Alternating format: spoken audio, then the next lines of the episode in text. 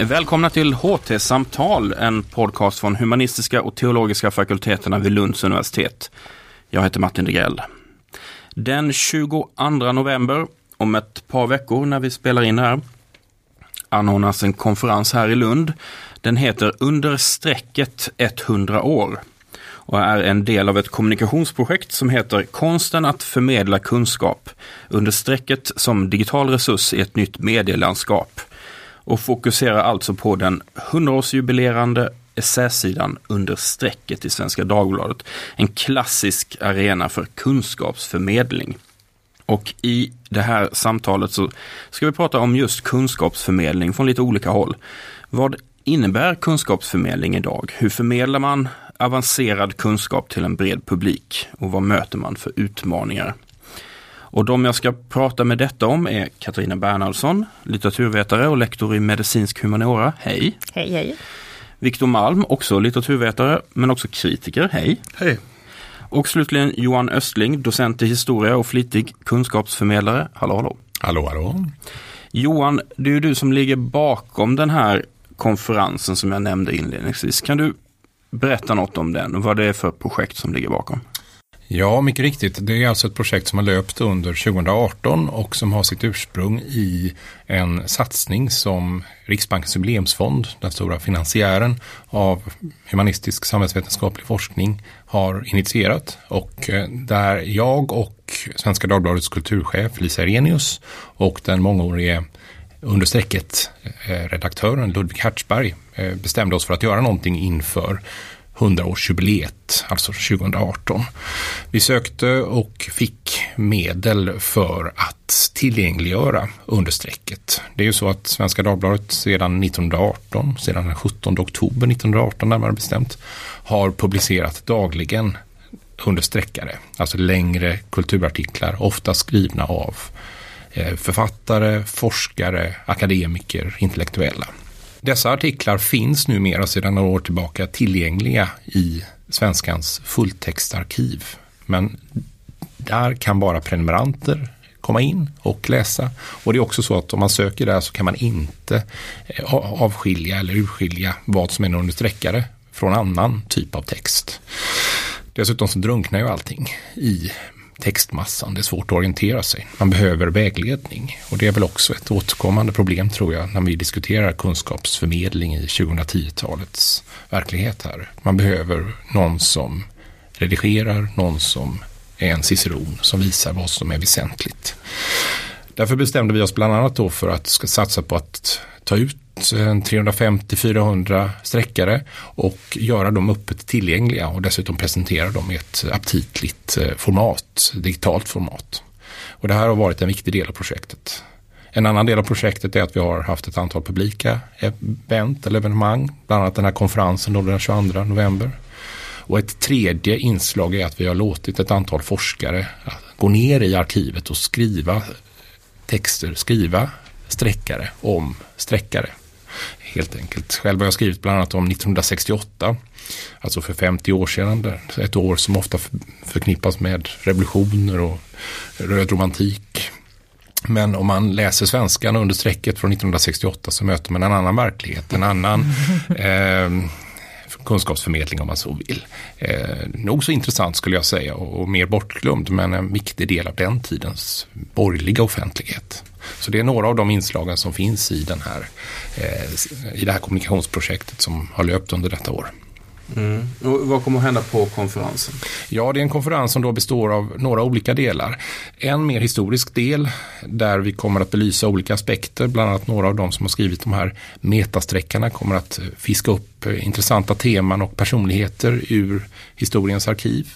Eh, vi har den tysk-svensk eller tyske kulturskribenten och för detta kulturredaktören på Süddeutsche Zeitung, Thomas Steinfeld, som nog ska hålla ett brandtal för den borgerliga offentligheten, det kan jag tänka mig.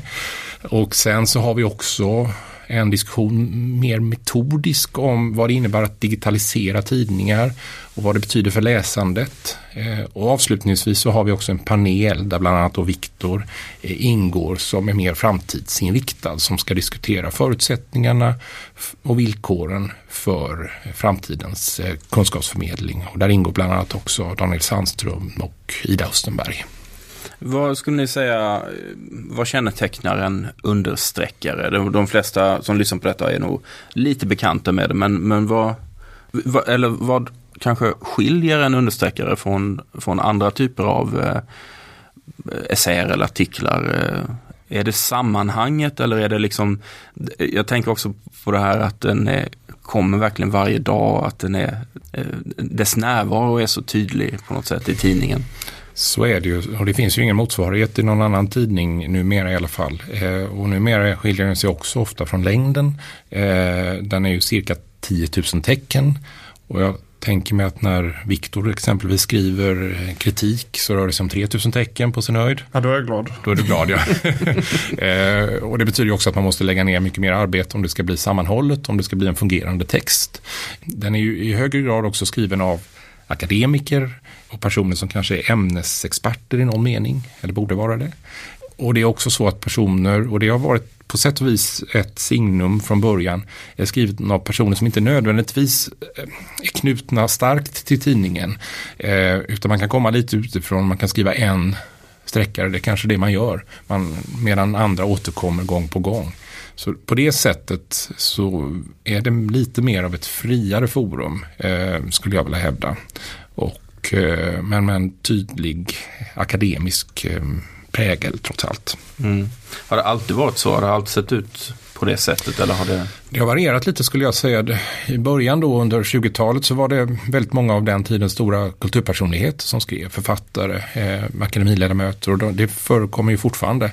Eh, men jag skulle säga att kanske att det var en, en lite högre generell eh, någon slags kändisfaktor kanske vid den tiden.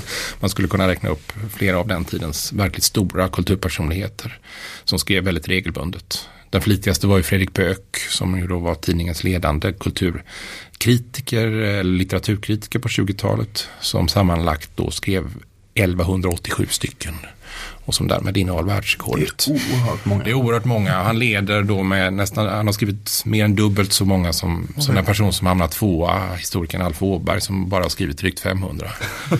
Eh, men Böök skrev cirka en i veckan under flera år och då samlade han på sig. Han var oerhört flitig. Men det som är intressant är att även från början så fanns det då den här typen av numera helt bortglömda gestalter, alltså läroverkslektorer, eh, arkivarier, eh, författare författare som ingen numera läser, som då och då kom in. Så på det sättet så var det inte bara ett elitforum utan också en lite bredare eh, bas skulle jag vilja säga. Eh, och det har ju förblivit så. Sen har det varierat lite under årens gång. En konstans har väl varit, åtminstone fram till 1980-talet, att det har varit en väldigt stark manlig bastion. Ehm, jag har ägnat mig åt 60-talet och fördjupat mig i 1960-talet och där är det två kvinnor i månaden som skriver genomsnitt. Alltså 28 av 30 är män. Och mitt intryck är att så är det under hela perioden fram till 1980-talet och det är egentligen först under 1990-talet kanske och, och vår egen tid som, som förhållandena förändras även om det alltjämt skulle jag tro är en, en majoritet män. Men en klart maskulin präglad arena måste man säga. Men kan man inte också säga att det finns en slags idealtypisk understreckare som inte de alltid lever upp till så att säga. Det ska inte bara vara en recension. Nej, just det. Utan det ska vara någonting mera även om det inte alltid stämmer så är det väl det som är målet. Precis, så, så, är det väl. Det, det är väl några som har försökt att formulera vad som kännetecknar en, en, den ideala sträckaren och då är det inte, precis som du säger, inte bara en, en lång recension. Och den som kanske har satt fingret på det på det bästa sättet skulle jag säga är Åke Jansson som var litteraturkritiker på, på 50-60-talet, teaterkritiker i Svenskan och han var också hade hand om understräckarna. Och han menade då att en, en sträckare ska kännetecknas av fyra saker. Det är sakkunskap, perspektiv, stil och aktualitet. Eh, och alla dessa fyra måste man leva upp till. Och det är som du säger här Katarina, långt från alla som gör det. Sakkunskapen kan finnas där, men det, då kanske det inte är så stilistiskt övertygande. Ehm, det kan finnas ett perspektiv, men eh, då kanske det brister i aktualitet eller så. Men jag skulle säga att eh, det, det är någonting som kan vara ett rättesnöre och som också kan gälla för andra typer av artiklar eller annan typ av kunskapsförmedling.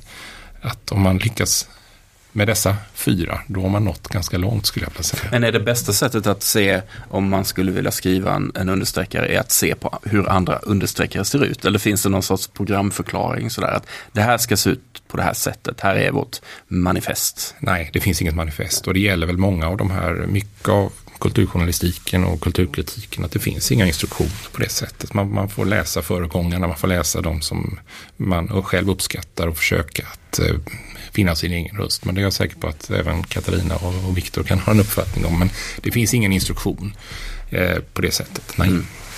En essäsida av understrecket typ är ju klassiskt, ganska traditionellt sätt att förmedla akademisk kunskap i första hand. Det finns en tydlig avsändare, man har, den som skriver har kontroll över det som skrivs. Det är liksom, här är min text, här, den publiceras i tidningen och varsågoda som akademiker så sysslar man ju med kunskapsförmedling av, av en massa olika slag. Och vi kanske ska särskilja mellan den kunskapsförmedling som sker i en lärosal. Vi kanske pratar i första hand nu om liksom andra sammanhang utanför akademin. Men för att orientera lyssnarna lite grann, vad, vad kan det vara för sammanhang som akademiker mer eller mindre frivilligt tvingas in i någon sorts kunskapsförmedlarens roll? Vad säger Katarina? Ja, det är en enorm bredd, vilket man inte alltid tänker på, för det är någonting som folk gör, akademiker gör, utan att alltid det uppmärksammas så mycket. Eh, vi pratade en hel del om det när vi gjorde den här kunskapens nya rörelser som Johan och jag var inblandade i, om eh, framtidens eh, humanistiska och samhällsvetenskapliga samverkan. Att ibland så talar vi som om vi inte redan samverkar. Men om man tittar på vad eh, akademiker gör så är det ett ständigt flöde. Eh, och det kan vara allt ifrån eh, att vara med i ganska här, större nationella sammanhang till att va vara hos en hembygdsförening eller en, en biblioteksfilial eh, och, och, tala om ämnen. Så att det förekommer hela tiden. Eh, så på så sätt så är det väldigt tydligt att det finns ingen kris i eh, förmedling eller i kontakt. Men frågan är om man hittar rätt och vad det finns för arenor som vi då inte alls, eller kanske grupperingar som vi inte alls eh, träffar på. Sen tänker jag att du kanske också tänker lite grann på mitt väldigt speciella lektorat eller min speciella verksamhet där jag då är eh, en humanist som i stor utsträckning riktar mig till ett annat kunskapsområde, ett annat vetenskapsområde, nämligen medicin eller liksom vårdvärlden. Mm.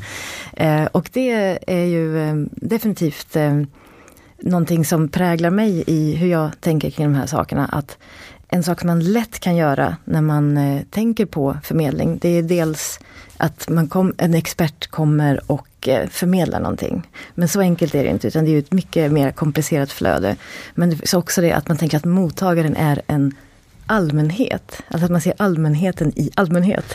Eh, och så ser det ju inte ut, utan det finns ju så oerhört många olika delar av allmänheten. Eh, och även eh, människor som är högst professionellt verksamma och väldigt specifika och inte alls allmänna, blir på sätt och vis en allmänhet i relation till ett annat kunskapsfält. Exakt, för du kommer in till exempel när du gör din, eh, till exempel föreläser för eh, läkarstuderande till exempel så är ju det inom akademiskt i någon mån. Men du kommer ändå dit och pratar för folk som, som inte delar din kunskap eller ditt, mm. ditt vetande mm. alls. Men de är absolut inte allmänhet. De är en väldigt specifik del av allmänheten. Och ännu mer, eftersom att du inte i första hand är intresserad av utbildning, så i ännu högre grad när man, när man går utanför eh, akademin och träffar på verksamma läkare, verksamma eh, människor. Vilket jag gör ganska mycket också. Och då dimper man ner i en helt annan verklighet.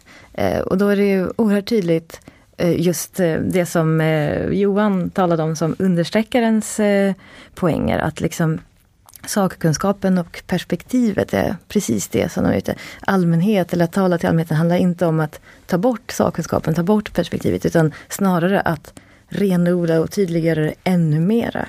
Eftersom att det inte finns en redan, alltså i viss mån finns det en redan gemensam arena.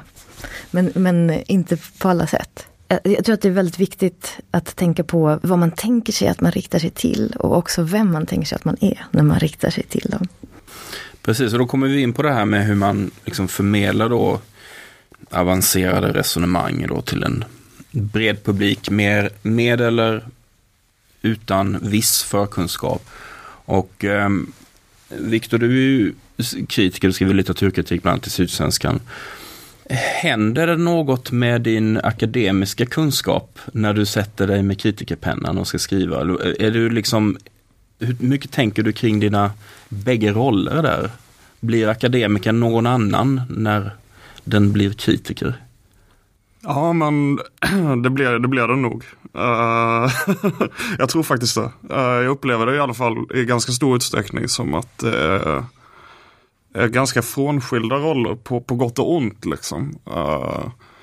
Det är väl positivt tror jag och i alla fall nödvändigt för sättet jag vill skriva kritik på. Att kunna gå in med den kunskapen som kanske det akademiska arbetet ger en i ryggen. Liksom. Men uh, när, man, när man sitter där och skriver så för att fånga intresse och för att, för att det är ju en, en tävling man måste ge sig in i. Liksom. Och fånga folks uppmärksamhet och fånga deras intresse. Och då måste man skriva på ett visst sätt och aktivera ett temperament som, som kanske inte är det man eh, har på kontoret framför datorn när man sitter och trycker ur sig sin forskning. Liksom. Uh... Men det är inte, men det är inte så, det är inte heller så om man ska liksom vara supergrov sådär, så är det inte så enkelt som att man bara ska dumma ner liksom nej, det nej, akademiska nej. till något begripligt. Det, det, det, det, är ett annat sätt att skriva på och det, det, är inte nödvändigtvis ett annat sätt att tänka men det, det, måste Nej, det är inte förenklande. Eller, I någon mån kanske det är förenklande men det är inte fördummande. Mm. Utan det är renodlande och uh, man måste hitta någonting som man vet att folk är intresserade av eller hoppas att folk är intresserade av och hänga upp det på. För att det är liksom det är priset för att få in saker som jag tycker är viktiga och som jag kanske ibland tar med mig härifrån. Som när man skriver om en om en avhandling eller om man skriver om forskning i något annat ämne och vill förmedla det på något sätt. För att man tycker det är viktigt. Eh, så måste man, ja men det, det kostar lite. Eh, man kan inte prata om det på samma sätt som man gör i ett seminarium och jag tycker inte det är konstigt egentligen. Eh. Det är olika forum helt enkelt? Ja, olika, olika arenor? Ja. Jag tror att det är som min erfarenhet i alla fall när jag var, var doktorand för ett tiotal år sedan så, så tränades vi i alltför dålig grad, eller för låg grad i någon form av genremedvetenhet och skriva i olika genrer. Jag förmodar att du är självlärd därvidlag. Ja. Eh, men nu har vi, i alla fall jag är verksam i historia, jag har precis haft en kurs i akademiskt skrivande som ligger på vår andra termin där, vi, där studenterna skriver då vetenskaplig text, de skriver populärhistorisk text och de skriver en lärobokstext. Det är hela, hela kursen. Just för att öva i någon slags genremedvetenhet. Och det tror jag är nödvändigt och jag tror att det är ännu mer nödvändigt idag än vad det har varit för en 10-15 år sedan eftersom texten finns mycket mer närvarande för, för 20-25-åringar kanske i, i, i viss mån i alla fall. Fast man måste lära sig att skilja på olika typer av textbaserad kommunikation. Och därför tror jag att humanistiska ämnen som, som historia och litteraturvetenskap och språkämnen har, har stor, har, fyller en stor funktion i att öva unga människor i någon form av format eller genremedvetenhet. Mm. det var en av mina frågor faktiskt just hur man huruvida man liksom läser någonting om kunskapsförmedling som forskare. Alltså om det finns, liksom om det är, om det är så att man, man läser liksom, eh, nu går ni ut här i världen och lär. Nej, nej, nej, inte alls. Jag hade Katarina som lärare i det på grundnivån däremot. Uh, när jag läste litteraturvetenskap A kanske, uh, fick man lära sig att skriva recensioner och essäer och det var väldigt, det var då jag började. Uh, så det, det var två parallella linjer för mig som har haft ganska lite beröring med varandra egentligen. Men alltså jag, jag tror också att jag tror att man bör lära sig det här men ibland misstänker jag också att det finns ett ganska stort ointresse bland forskare för att hålla på med sånt här. Jag tror, jag tror inte det är en majoritet som, som vill syssla med den sortens skrivande. Eh, för att det är annorlunda och det är inte för att skriva sånt man har sökt sig till akademin. Mm. Men det känns ju samtidigt som att den eh, man pratar väldigt mycket om samverkan och tredje uppgiften pratade vi mycket om tidigare och sådär. Och då känns det samtidigt som, jag får intrycket av att det ställs lite mer krav nu på akademiker att liksom vara beredda att kanske inte vara sådär medievana eller så och, och kanske, kanske inte heller att alla ska vara beredda att sätta sig och skriva en, en bokrecension eller sådär.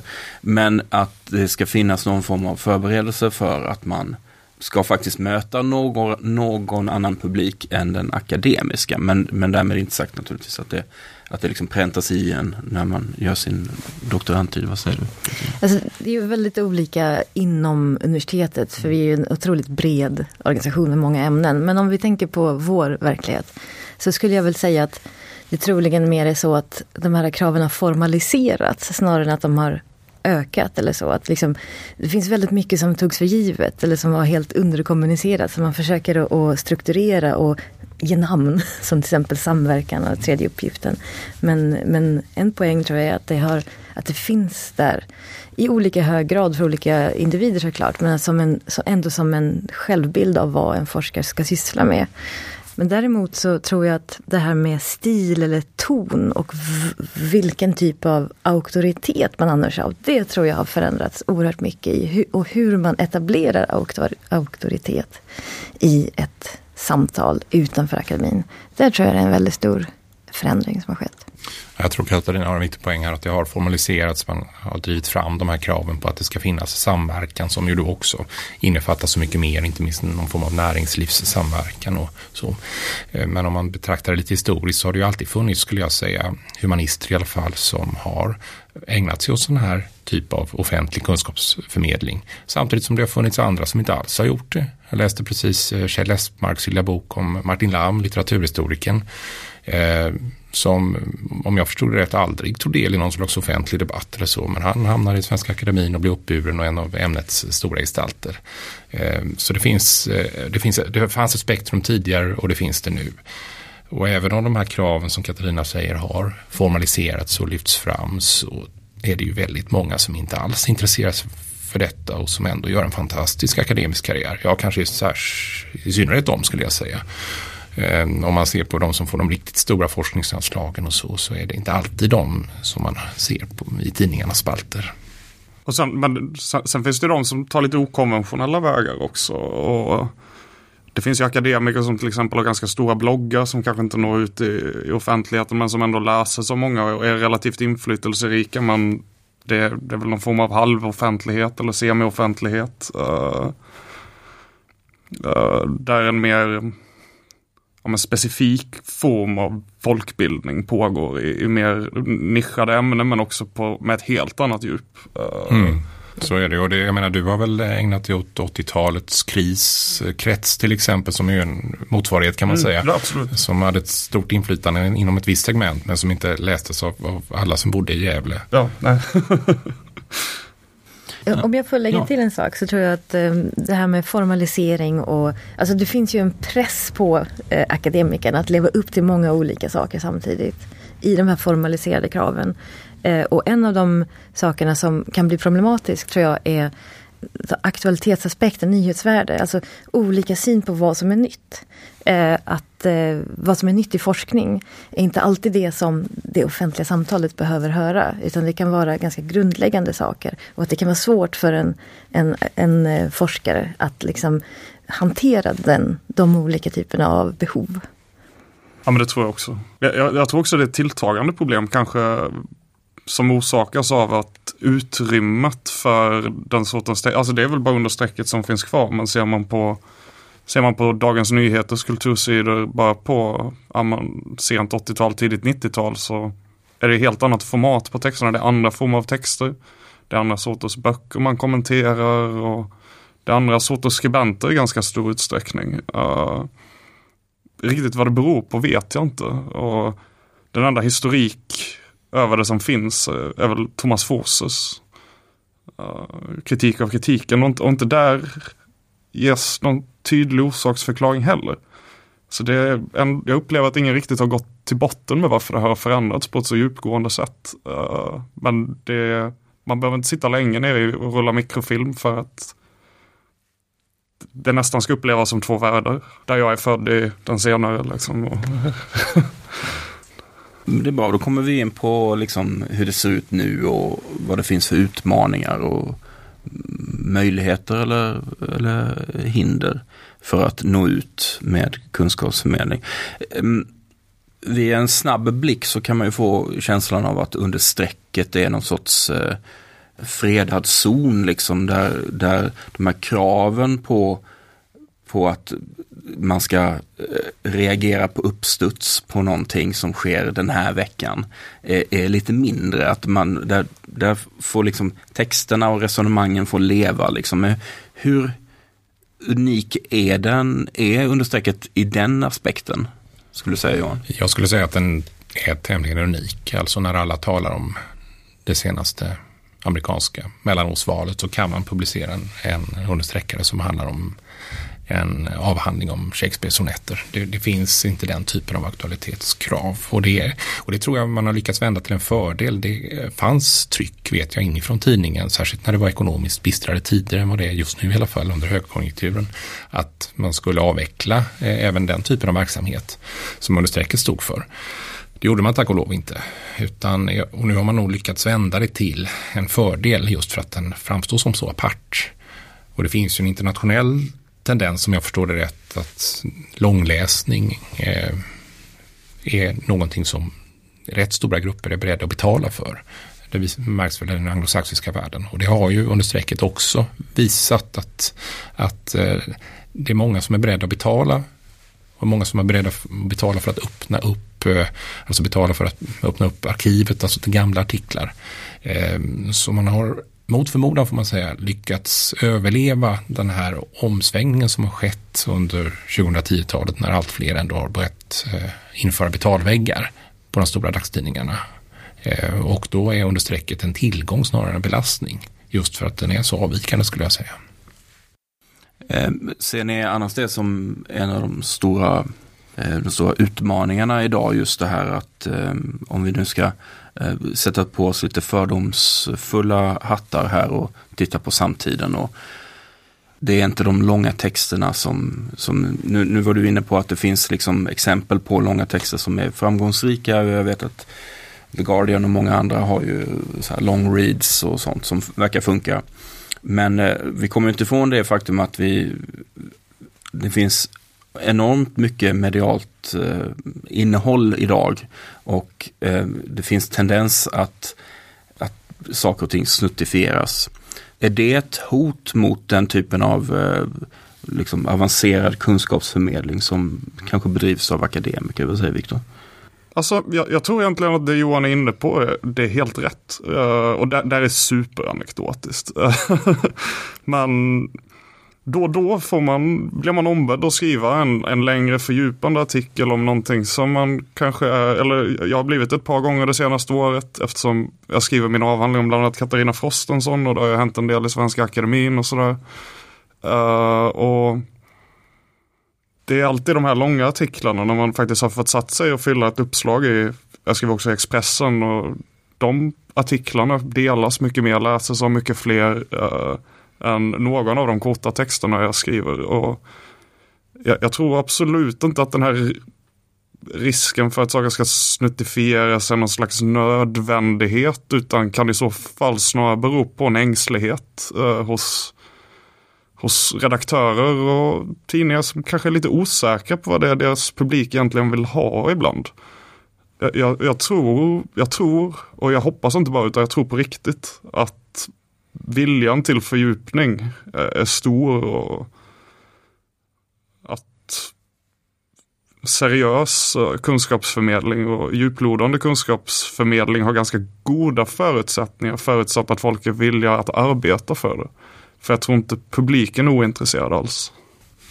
Nej, jag delar väl på sätt och vis din bedömning här. Det, det som är oroväckande skulle jag vilja säga är väl ändå om man anlägger något slags sociologiskt perspektiv att jag, jag, tror att det bidrar ytterligare till en uppdelning i olika deloffentligheter. Och den gruppen som, som Viktor eh, indirekt talar om här som är intresserade av de här texterna det är kanske i hög grad de, de välutbildade, de som ändå söker sig till denna typ av arenor. Det finns ju rapporter som har kommit i år om hur nyhetskonsumtionen går efter ganska tydliga klassgränser. Mm. Eh, och det löses inte genom att tidningarna då låser in sina långa artiklar och man måste betala för dem. Samtidigt som det är helt nödvändigt tror jag för, för, för tidningarna, de kan inte arbeta gratis. Eh, den gratiskultur som fanns under, under tidigt 2000-tal, den, den, det var en parentes skulle jag tro. Eh, men eh, jag kan vara bekymrad om man tänker det ur någon slags demokratisk synpunkt. Men, men jag tror att det finns tillräckligt stora grupper för att bära upp en form av mer eh, seriös textkultur. Det skulle jag tro. Sen så ska vi inte heller uh, glömma nördarna. vill säga att, att det inte bara just i kraft av välutbildad enligt en speciell mall som det kan finnas ett mycket stort intresse för fördjupning. Men det är mer selektivt. Men, men då kan det vara enorm fördjupning som, som människor verkligen är intresserade av och beredda att, att gå in i. Uh, för det som är poängen med nätet är ju på något sätt att man ser inte när man klickar på en text hur lång den kommer vara. Utan man kan mycket väl läsa en väldigt, väldigt lång text utan att ens liksom reflektera över det. För att eh, utrymmet är oändligt.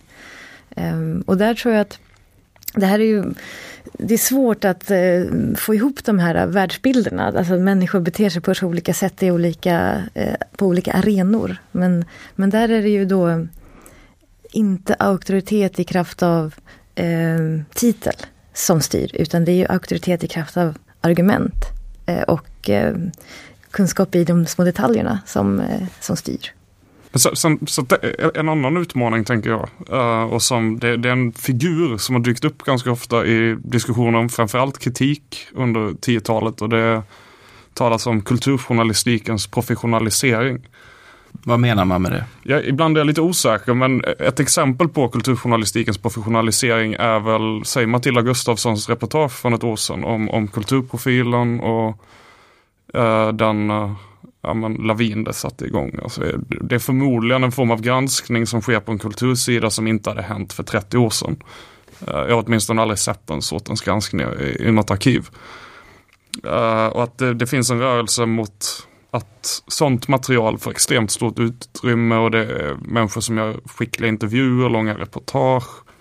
Eh, saker som av traditionellt sett kanske inte har hört hemma på kultursidorna. Och, och det är en betydande förändring för jag tror att det, det är också ett material som har ganska mycket läsare. Eh, och det finns goda incitament för redaktörer att fortsätta skapa sånt material eller se till att deras skribenter skapar sånt material. Och, och, där uppstår kanske lite en skilsmässa som är ganska ny mellan, mellan en annan form av professionalitet, uh, kanske den vi representerar.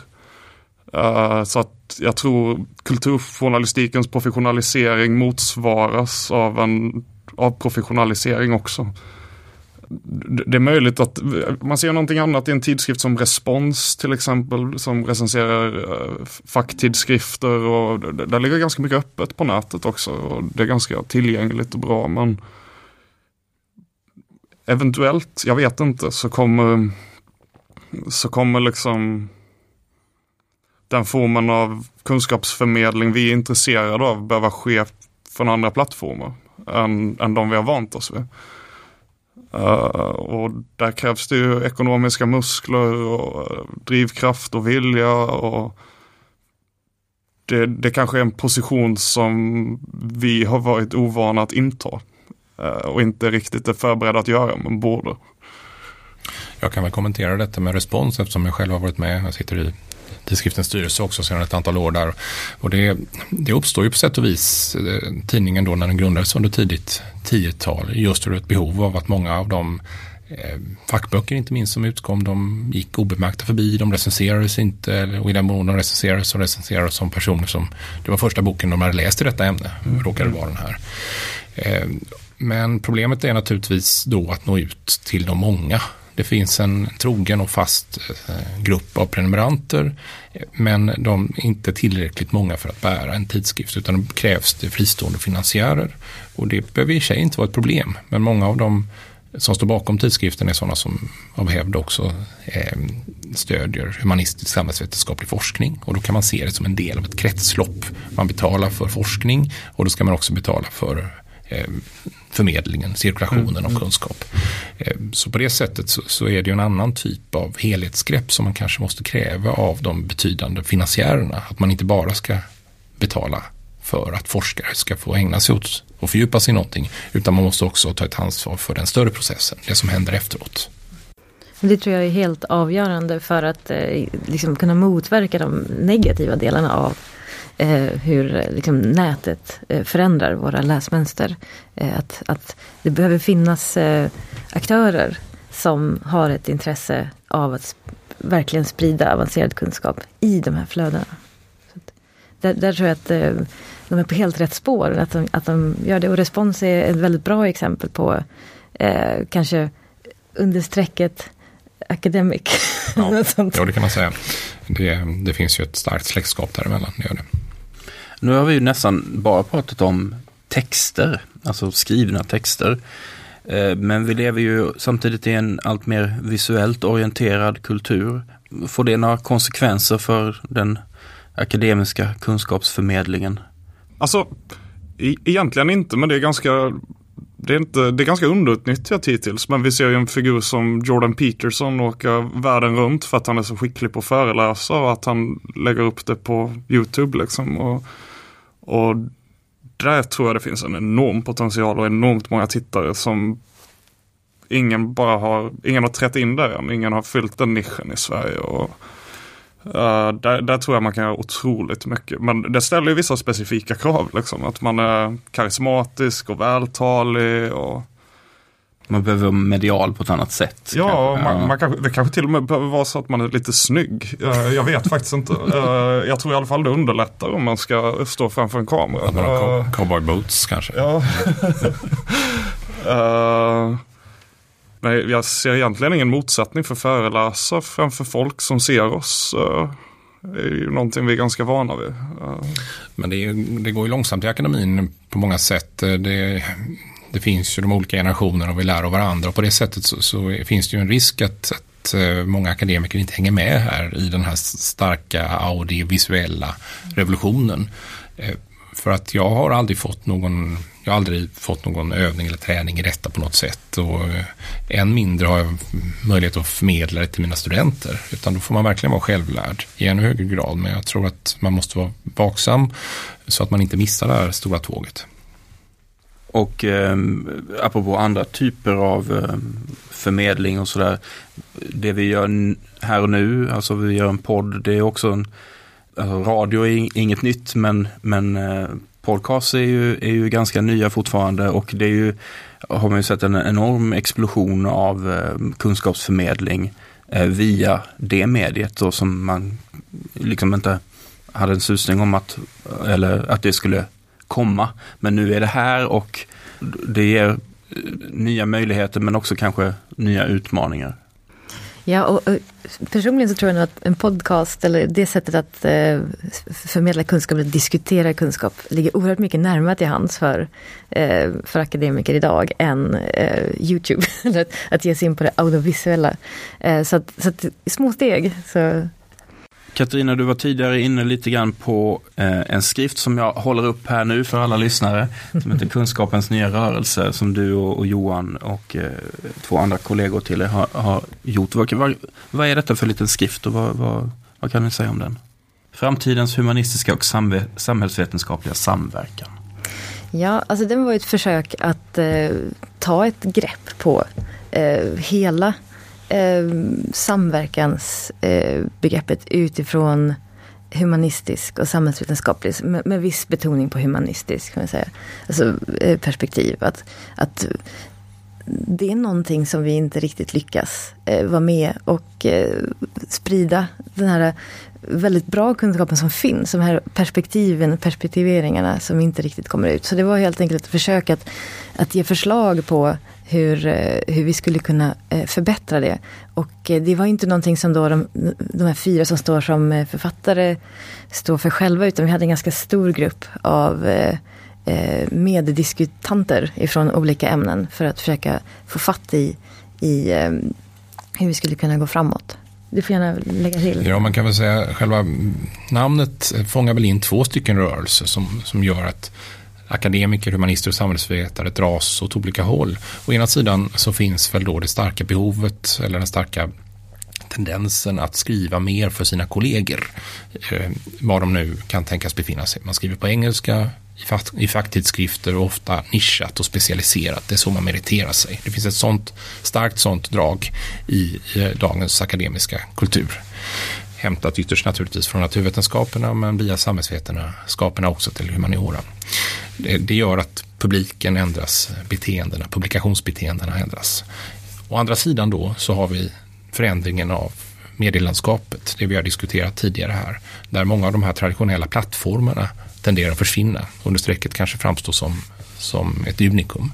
Så frågan är då vad som ska fyllas däremellan. Akademikerna verkar vara mindre intresserade, framförallt kanske de yngre, av att vända sig till en, till en vidare publik samtidigt som det finns mindre eh, eller färre arenor för eh, de som verkligen vill göra det. Och frågan är då hur man ska gå vidare. Och då lanserade vi några olika typer av förslag och vi diskuterar poddar bland annat. Vi diskuterade ekonomiskt stöd till befintliga eh, plattformar. Vi diskuterade också fysiska lokaler, alltså som en slags motrörelse till det digitala. Eh, behovet av att eh, skapa mötesplatser. Det finns en stark tendens som är värd en egen på tror jag om just olika typer av humanistiska laboratorier.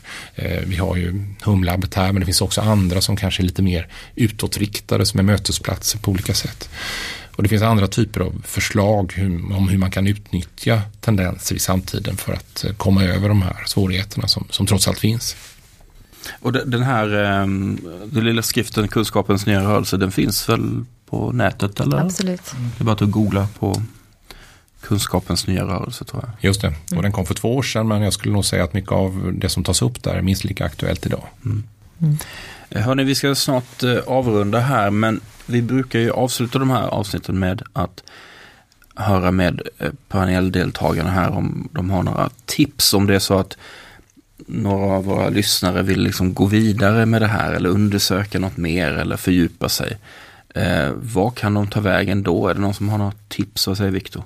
Ja, alltså jag bytte tips nu under, under tiden vi satt här. För jag tänkte, mitt första tips var en bok, vilket kändes ganska tråkigt nu när vi ändå pratade eh, nya sätt att förmedla kunskap på. Så jag har faktiskt en, en, en den enda podcasten jag lyssnar på. Uh, som heter A Partially Explained Life. Uh, som är uh, fem killar i USA som eh, ursprungligen läste analytisk filosofi, eller doktorerade i analytisk filosofi, men eh, blev ganska besvikna på svaren filosofin gav och bestämde sig för att tillsammans eh, läsa igenom den kontinentala traditionen. Så varje vecka har de ett, jag tror det är antingen två eller fyra timmars avsnitt där de har läst en central text av Uh, ibland är det en, Frank, en tänkare från Frankfurtskolan som Adorno, ibland är det Deleuze, ibland är det Derrida. Och sen så går de igenom den här noggrant, noggrant, noggrant och har även ett diskussionsforum på nätet där deras uh, lyssnare, som är väldigt många, är engagerade. Och det, det är bara ett gigantiskt bildningsprojekt i, i podcastform som involverar människor över hela världen. Som är, det är ändå väldigt inspirerande. Det låter fantastiskt. Johan, har du någonting?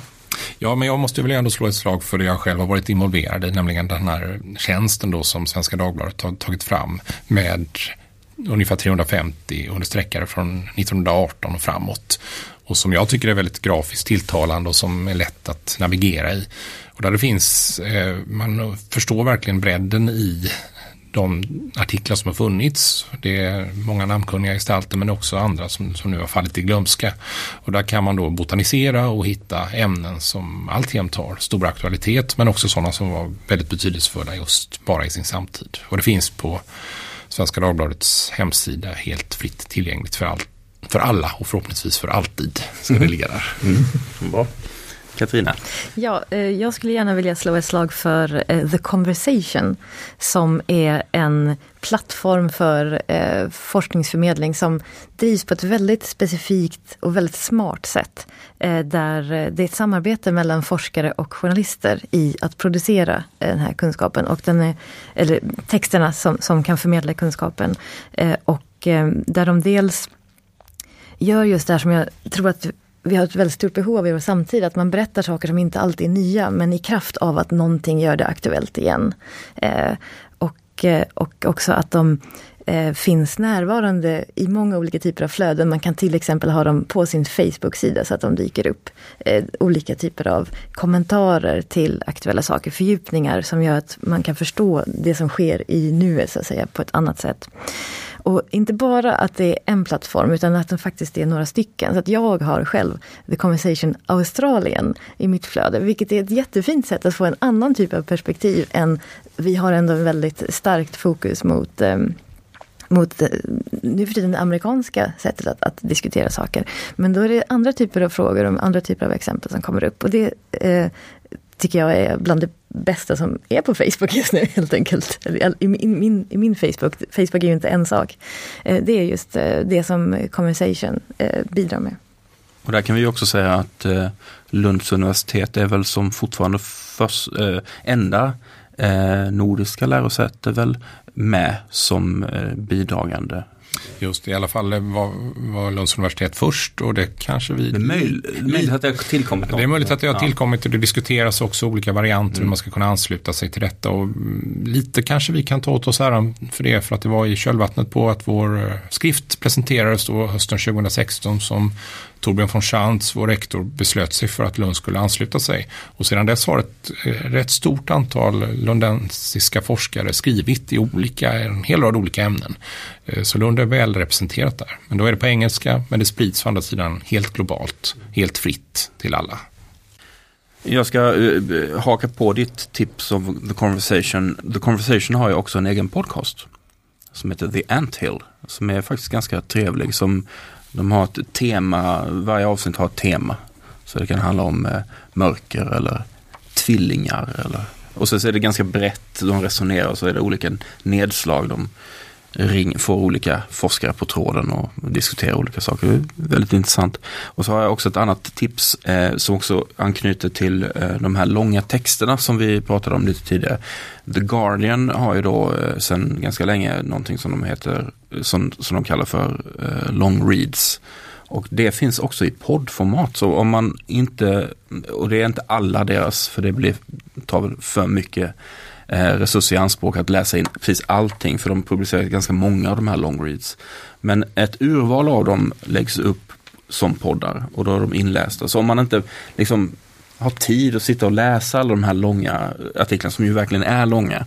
Så kan man istället lyssna på en 20 minuters version i poddformat när man är på väg till och från jobbet. Eller så. Men då är det en inläsning sa du, så det är inte ett samtal utan det är... Det är inte ett samtal utan det är rakt upp och ner en inläsning. Det låter som att det är engelsk podcast som egentligen är OBS från Sveriges Radio. att det är den Lite formatet. så, fast ännu längre. Och OBS är ju skrivet för radion. Men här är då professionella inläsare då som läser, jag oftast inte författaren själv. Men det är väldigt, ett väldigt trevligt sätt att ta till sig eh, de här långa texterna. Vi ska väl också eh, slå ett slag en gång för den här konferensen, Johan. 22 november. Eh, kan man läsa något mer om den? Jag tänkte att jag länkar till eh, allt, eller mycket av det vi pratar om här idag, eh, kommer man hitta länkar på ht.lu.se ht-samtal. Där kommer det finnas lite länkar till olika saker som vi pratar om idag. Och den är, är den öppen för allmänheten? Eller? Den är öppen för allmänheten. Den är på Lux i Lund och eh, börjar 13.15 och håller på till 18 den 22 november. Man får väldigt gärna anmäla sig till mig eh, senast den 15 november för då kan man också få lite god fika. Eh, men det finns platser kvar och eh, information om detta finns alltså på, på nämnda hemsida. Mm, jättebra. Och med detta så säger vi tack till Johan Östling, Viktor Malm och Katarina Bernhardsson. Mer om den forskning som pågår på humanistiska och teologiska fakulteterna hittar ni som sagt på ht.lu.se. Och vi har spelat in detta samtal i Humlabbets larmstudio på Lux. Eh, där Peter Roslund som vanligt har varit tekniker. Och vår musik görs av Graham Bowl. Jag heter Martin Degrell och vi hörs snart igen.